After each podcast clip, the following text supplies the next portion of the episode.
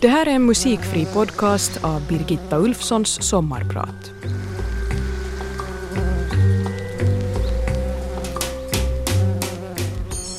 Så här står det på ett papper jag har fått mig tillsänt av Radio Vega. Vår signatur inleder programmet. Efter ungefär 15 sekunder tonar den ned och du börjar prata på den. Här vill vi ha en kort 15 till 45 sekunders presentation av dig. Vem är du? Vad jobbar du med? Vad är du känd för? Inledningen avslutas gärna med en variant på följande mening. Jag heter XXX och det är jag som är er sommarpratare idag. Efter det spelar du musik. Alltså. Jag heter Birgitta Ulfsson. Jag har sysslat med teater i 63 år. Jag brukar inte räkna efter. Det finns nog papper på det också. Jag jobbar fortfarande. Nästa premiär är 12 september. Jag är 85 år. Det framgår av pass och körkort och det syns förresten också. Jag bor i Sverige, i Göteborg. Jag lever av skådespelande och av pratsamhet på estrader i Sverige och Finland. Jag är en återberättare av litteratur. Jag avdunstar vittnesmål och jag är lyckligt tvåspråkig. I somras blev jag upplyst om att jag i zodiakens tecken är någon slags jorddrake. Det förändrar inte min självbild det ringaste. Men ni som vet, ni får ju tycka vad ni vill.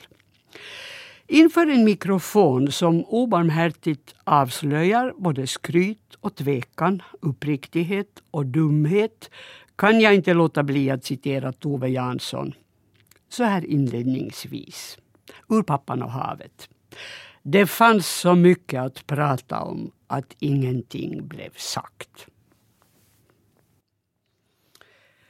Om inte detta var dialog på toppnivå så vet jag inte vad det skulle kallas. En ung Miles Davis 1948 med, som jag tror, Bill Evans vid pianot. Eller också var det hans bror. Sorg, eftertänksamhet, lyssnande, samspel. Den sorgsna spelglädjen och jublet i den klara höga sluttonen. Två artister som hängav sig åt ögonblicket med var sin röst. Det närmaste jag kan erinra mig är Beckets dialog i hans eh, underbara pjäs Slutspel. Eller Perek eller Keno, någon av de där gossarna. I Finland har en trumpetröst nyligen tystnat. En vars avskedstagande sker just idag här i Ekenäs på Ramsholmen. Henrik Otto Donner. Han spred ringar i vilket vatten han än gjorde sina nedslag. En stor personlighet i vårt kulturliv. Med eller utan trumpet. Idag skulle jag vilja prata om de motsägelsefulla, de, de konvenansbefriade om de modiga, inte alltid så sympatiska, de fräcka och generösa, de sträva rösterna, de icke garderade rösterna, de gåtfulla. Människoröster bortom klichéer och trender. Människoröster, helt enkelt. Där vibratot kommer när så krävs, när det behövs. Inte för att det ska gullas med en lyssnare. Det blir säkert mycket talsång, skådespelarsång. Jag känner många av dem jag ska spela. Jag har varit god vän med många. Ingen av dem har jag legat med. Synd. Det hade nog varit trevligt. Nu är det för sent för de är döda. Alla Nedvall är, var en av de stora. Distanserad och trots sin popularitet och folkkärlek aldrig klottig. Han, han var aldrig till salu. Han kom och gick, spelade på institutionerna och slutade oftast när pjäsen lagts ned utan att kommentera det i vare sig tidningspress eller tv-intervjuer. Han kommenterade aldrig sitt behov att gå vidare. Hans intelligenta närvaro fyllde varje filmruta med en saftig humor. Ah, han skrev flera teaterstycken och var ganska blyg mitt i all sin skärpa. Djupast nådde han, tycker jag, när han startade en egen scen, Brunnsgatan 4 i Stockholm. Han dog i cancer, så gör vi ibland. Han gav sin slitna svarta kavaj och sin teater i arv åt sin sista kärlek, Kristina Lugn. Kavajen bar hon sen i många år utanpå sina luftiga blusar och kjolar och teatern på sina axlar. Hon virade in den i sitt vackra röda hår som förresten alltid dolde det ena ögat. Så kom hon också in i Svenska Akademin. Allan Edwall, det äkta tonfallets mästare i hans egen visa, egen melodi och egen text, Lilla bäcken. Skådespelandet är ett filosofiskt yrke. Allt annat vore skitprat att påstå. Men teater måste självklart vara underhållande, annars gitter ingen höra på oss. Låt mig citera just Allan Edwall ur hans bok Mellan liv och död. Han säger så här. Jag tycker faktiskt det är oanständigt, omoraliskt och föraktfullt att folk ska betala med biljettintäkter och skattemedel för att bli berövade både sin goda smak och sitt livsmod. Gösta Ågren har skrivit Kroppen är den del av själen som syns. Genom oss själva silar vi skådespelare texten. Silen kan vara genomskinlig, rostig, också splitter ny. Vår kropp är både palett för andras färger men också för våra egna. Marionetter är vi inte. Varje människa bär på en gåta och skådespelarens, konstnärens gåta är själva kärnan i begåvningen och borde, så som jag ser det, skyddas för insyn. Regissörer knackar ofta förgäves på skådespelargåtans dörr och vi låter oss smickras, dyrkas, förnedras, utnyttjas men vi släpper ogärna in obehöriga i vårt innersta rum. Jo, publiken. Den ser nämligen och uppfattar. Marknadsförarna sällan. Det finns reklamfolk på teatrar som på fullt allvar tror att några enfaldiga framträdanden i pinsamma tv-program är garanti för säljande. Tro förresten inte på skådespelar, tidningsintervjuer eller självbiografier. Ni behöver inte tro på mig heller. Teater är som fotboll. Det behöver en klok coach. Så rikt sammansatt är jag inte att jag skulle vilja vara utan regissör. Inte i film eller på teater. När jag gör litterära kabaréer, då vill jag vara själv. På gott och ont. Vi teaterfolk är som alla andra. En blandning av ansikte, kroppsbyggnad, livserfarenhet och gener. Självupptagenhet förekommer ymnigt. Humor och ofasa brist på humor också. Många har skämtlynne, men det är inte detsamma som humor. Teater är ett svårt hantverk. Vill du bara visa upp dig själv brukar det gå illa förr eller senare. Det är lite som att kissa i egen byxa.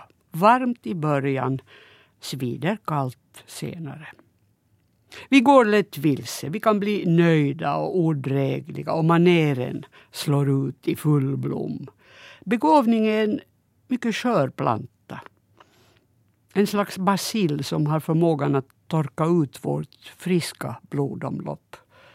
Äh, jag är jäkligt dålig på medicinsk terminologi men, men jag tycker bilden är ganska bra. Jag tycker mycket om den nya generationens skådespelare. De spelar en massa musikinstrument, de är akrobater, de bildar egna grupper och de är ansvarsfulla. De letar efter det rätta tonfallet. Nog snackat. Nu, nu ska ni få höra två, äh, nej, tre äkta tonfall. Sonja Åkessons, poeten som skrev texten, teatermusikern Gunnar Edander som gjorde musiken och Ulla Sjöblom som sjunger. Ni skulle sett henne på scen. Visan skrevs 1983. Varsågod. Jag ville spela den här eftersom jag själv har så förbaskat roligt mitt i all nedräkning. Jag anses vara en glad människa och det kan jag väl gå med på. Jag är allergisk mot melodramatiskt koketteri. Jag har ett stort mörker inom mig. Det har varje människa, det är ingenting att skryta med. Men när jag nu är så här uppriktig plötsligt här. Ni skulle se mig i slutskedet av en repetitionsperiod. Ni skulle tycka så hjärtligt illa om den konstiga figuren som glömmer, stammar, trasslar, snubblar, är, är totalt hopplös. Katastrofal, utan överdrift. Katastrofal helt enkelt. Renons på självkänsla, bara nattsvart, förlamande självkritik. Man kunde tycka att en viss framgång skulle ha förändrat det här beteendet. Inte. Men så kommer publiken och jag fattar inte hur. Bitarna då kan falla på plats. Då vet jag plötsligt vad jag ska berätta. Nja, inte alltid. Det är en ynnest att få vara, våga vara dålig. Det gör ont, men det är en ynnest. Claes Andersson har skrivit. För att lära sig flyga måste man kunna flyga. För att lära sig måste man lära sig lära sig. För att våga måste man vara rädd. Det talas i debatter och på ja, ledarsidor väldigt mycket om samtid. Det är ett pretentiöst ord. Jag har alltid trott, tyckt att det hör till ens få verkliga uppdrag. Det här att tillhöra en verklighet, att leva i sin samtid. Det är ju inte att vara historielös, inte alls. Men nu måste man ju leva i sin samtid. Därför trögläser jag varje dag tre prasslande papperstidningar. Jag vill uppfatta signaler. Och jag undrar ofta nu för tiden över hur många samtider jag själv har levat i. Varje samtid vi står mitt i förser oss med värderingar och synsätt som sen övergår i något nytt med vissa delar av de gamla värderingarna inbakade. Ja, det kan ju också hända att vi väljer att tryggt stampa på stället. 1968-tiden minns jag med glädje trots all ungdomlig trosvisshet och förenkling.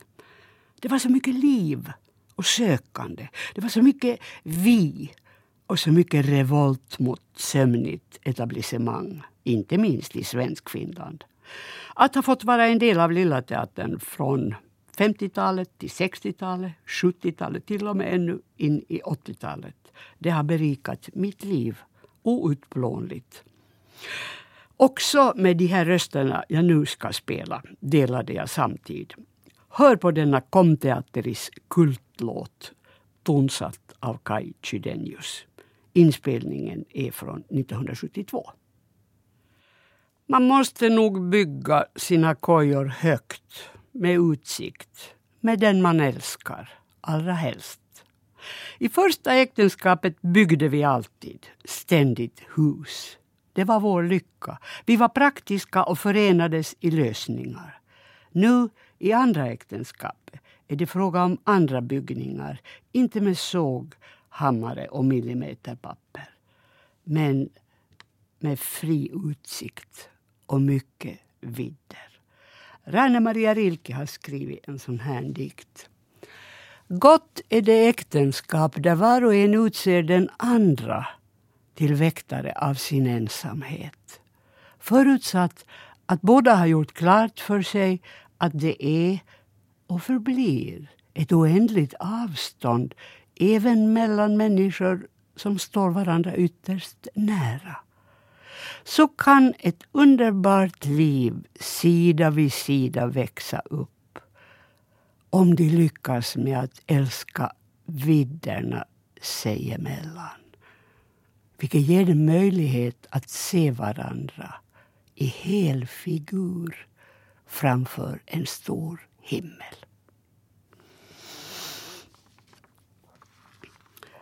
Nostalgi är nog en intellektuell sjukdom. Den är, ja, det är bra om man lyckas undvika den. Det går ju inte riktigt alltid. Jag själv är besatt av kvinnotillhörighet. Av gamla kvinnoredskap, hantverkskunskap. Jag beundrar mycket det praktiska tänkandet. Efter farmor och mamma, den ena född 1869, den andra 1902, har jag ärvt gamla syskrin med björntrådrullar, virknålar, sprättknivar, saxar, fullt gångbara, stoppsvampar, nåldynor utan malhål. Hur i höga helvete går det till? Jag älskar ett vaxat måttband som var farmors. Än idag hoprullat, fungerande, i utdraget skick, 100 centimeter. Prydligt som en sån där pepparrotssnurra som man nu för tiden får på mingelfester och cocktailpartyn. En tunnbrödsrulle från en svunnen tid. Jag tycker om att, att lappa och folla och stoppa och vända avigsidan ut på klädesplagg. Men jag kan inte sy nytt. Jag älskar farmors stenmortel, så effektiv. Och farmors slitna skärbräde av trä, så fullt av vackra gamla bakterier. Farfars hammare med det vänliga skaftet slår en galvaniserad spik på ett sinnligare sätt än de här moderna. Och gamla trägalgar. Det står TV-teater i Härnösands stadshotell. Nej, det står Stadshotellet i Härnösand. Sveriges Television på dem. Och Nossebro herrskrädderi. Jag går ogärna på lopptorg. Jag klarar inte riktigt av att se forna kvinnors flit vara till salu. Nu ska vi höra på Monica Zetterlund. Hon är också död. Hon brann med klarlåga hela livet. Brann till råga på allt upp till slut. Jazztösen som var en så fin skådespelare till allt annat. Hon var vänsel som få. Hon bjöd hem. Hon ställde till med kalas. Hon stod i köket och kokade och stekte och slamrade. Fyllde på grytor och korkade upp flaskor oavsett om hon hade råd med det. Hon bjöd, hon diskade, hon skrattade. Herregud vad vi hade roligt. Men vi vet alla, hon också, att det inte räcker med vackra sånger. Vi borde försöka göra något också. Att byta fotfäste och flytta till ett annat land vid fyllda 54 hade sina sidor. Jag var en annorlunding, om också med nästan samma språk. Jag har mötts av välvilja, lite skrämd välvilja ibland när mitt klarspråk så uppenbart avvek från deras överenskomna. Men uppskattningen är jag tacksam för. Allra mest för den som bestods mig av författare. Jag har en, faktiskt en ryggsäck under huden. En, en liten bula, en liten utbuktning av människor jag har mött som har förändrat mig. Författarna. Dem jag har läst och dem jag har fått träffa. Författarna är sin tids medicinmän. Vore jag inte så förtjust i det yrke jag har skulle jag vilja vara författare, men det blir jag aldrig. Men tänk att jag har fått bli bekant, rent av vän, med en Stig Dagerman, en Göran Tunström, Thomas Tranströmer innan Nobelpriset, med Axel Sandemose, P.O. Enquist, Willy Kyrklund, Slas, Väinö Linna, Hannu Salama, Eva Kilpi, Lars Huldén, Christer Kihlman, Tove Jansson och Henning Mankel Han var faktiskt bröllopsvittne när jag gifte mig 2007. Ha, ha, ha, ha. Och Sara Lidman. Ah, Sara Lidman förresten. Alltså, vi, vi skrev lite brev till varandra och vi träffades och vi talade ofta i telefon. Hon låg på slutraka på ett sånt hospits, en sån här ändhållplats. Och så fick jag höra att hon hade slutat äta för att det skulle gå snabbare. Men så berättade en god vän att det hade inträtt en förändring. Så jag ringde upp. Hon svarade. Eh, vad hände? Jag kände doften av kroppkakor, sa hon. Kroppkakor! Dånade hon med sin gamla och alldeles egna blandning av folkbildare och agitationsröst. Kroppkakor! Jag åt tre portioner. Man kan ju inte dö sur, Birgitta. Fyra dagar senare var hon borta. Nu ska ni få höra en av de internationella stora. Det är något fantastiskt med jazzsångare. Vi skådespelare vi talsjunger ofta. De både talsjunger och rytmsjunger. Fan! Rytm förresten. Först måste jag få citera Allan Edwall igen. Rytm på scenen är en osynlig men fullkomligt konkret rörelse. Den följer känslan och stämningen som en hund följer husse.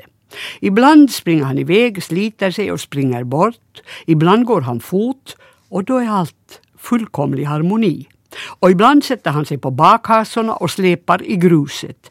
Tid, rytm, tempo är ytterligare en svårighet för en skådespelare.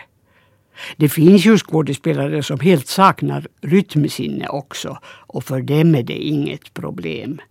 De är själva ett problem, skrev alla Edvard. Ah. Ella Fitzgerald från hennes Berlinframträdande 1960. Hon sjunger Mac the Knife ur Bert Brecht och Kurt Weills tolvskillingsopera. Den skrevs 1928. När vi spelade den på Lilla Teatern kallade vi den för Fempennisoperan. Vilken kvinna, vilken urkraft. Hon tappar text, hon improviserar. Hon är i Berlin och i Deutschland Halle och där sjunger hon skamlöst en inte så politiskt korrekt version av den allombekanta sången Näckekniven. Varsågod. Nu kan jag inte låta bli eftersom jag sitter här i Ekenäs-studion och berätta en, en episod jag skulle sommarprata i Sveriges Radio. Jag minns inte vilken gång det var. Men, men i alla fall, då hade jag bett att få göra det härifrån. Att inte behöva fara till, till Sverige. Och det gick de med på. Det skulle gå via link. Och jag lämnade in alla mina låtar i god tid. Och ungefär en tio minuter innan vi ska börja så kommer det ett samtal där en vänlig röst säger Hörru du Birgitta, var inte ledsen men vet du den där brättvisan som du ville ha, den har vi inte hittat. Vad säger du? Ja, vi har inte hittat den, så jag, det är bara skitprat. Och så blev jag tyst och så slog jag på luren. Och då sitter Gösta Sjöholm, den gamla socialdemokratiska kommunal, kommunpolitikern mittemot. Han var tekniker. Och jag sa ah. Och jag har ju plattan i min bil. Var står den då? Nå, no, på torget. I, i, i baksidan. Har du nycklarna? Jo, jo. jo. Nå, ta, hör. Jag, jag, jag slår in dig och så håller du på. Och du kanske måste lite improvisera. Du håller på en stund. Och sen, och sen det, det här ska gå, ser du. Håll på ungefär en sju minuter. Jag springer. Hej. Och jag tänkte, alltså hjärta banka. Det är direktsändning. Ah. Jag höll på och just när jag hade trampat vatten så där att det inte riktigt var lustfyllt mera. Då ser jag honom bakom rutan komma in, hålla konvolutet högt, dra ut Brechts och Kurt Weils visa En proletärmoders vaggvisa nummer fyra och den dånade ut. Och den var inte ens politiskt farlig eller olämplig eller vad det var. Denna dag vet jag inte vad, men de var väl rädda. Sådana människor som inte ger upp utan störtar ut mitt under direktsändning. Sådana älskar jag. Nu ska jag sluta. Jag heter Birgitta Ulfsson, det borde jag ha sagt flera gånger enligt pappret. Jag kunde fortsätta hur länge som helst med det här dittandet och dattandet. Berätta om vad jag tycker ni borde läsa, se och höra. Men Toffe Westerlund i teknikbåset här, han behöver få kaffe och tidtabell bör hållas. Jag ska hem till en ö. Den ö som är mitt ankare i min tillvaro. Och där goda ortsbor, grannar på andra öar. Sven, Putte, Ove och Benne är omtänksamma mot mig utan åthävor. Båten väntar på att jag ska köra att jag ska köra den till mitt ensliga paradis i utskären där havet möter himlen och jag äntligen är tyst. Dansken Piet Hein, signaturen Kumbel Kumbel, har skrivit en dikt Livets paradox. Jag läser den för er i översättning av Ingrid Saristo. Jag tror ibland och får ett fånigt flin i mitt förstånds periferi att livet är två låsta skrin som har varandras nyckel inuti. Var rädda om er obekanta lyssnare, men inte för rädda. Livet kan vara ett helvete, men att leva är det bästa äventyr som finns. Hej då!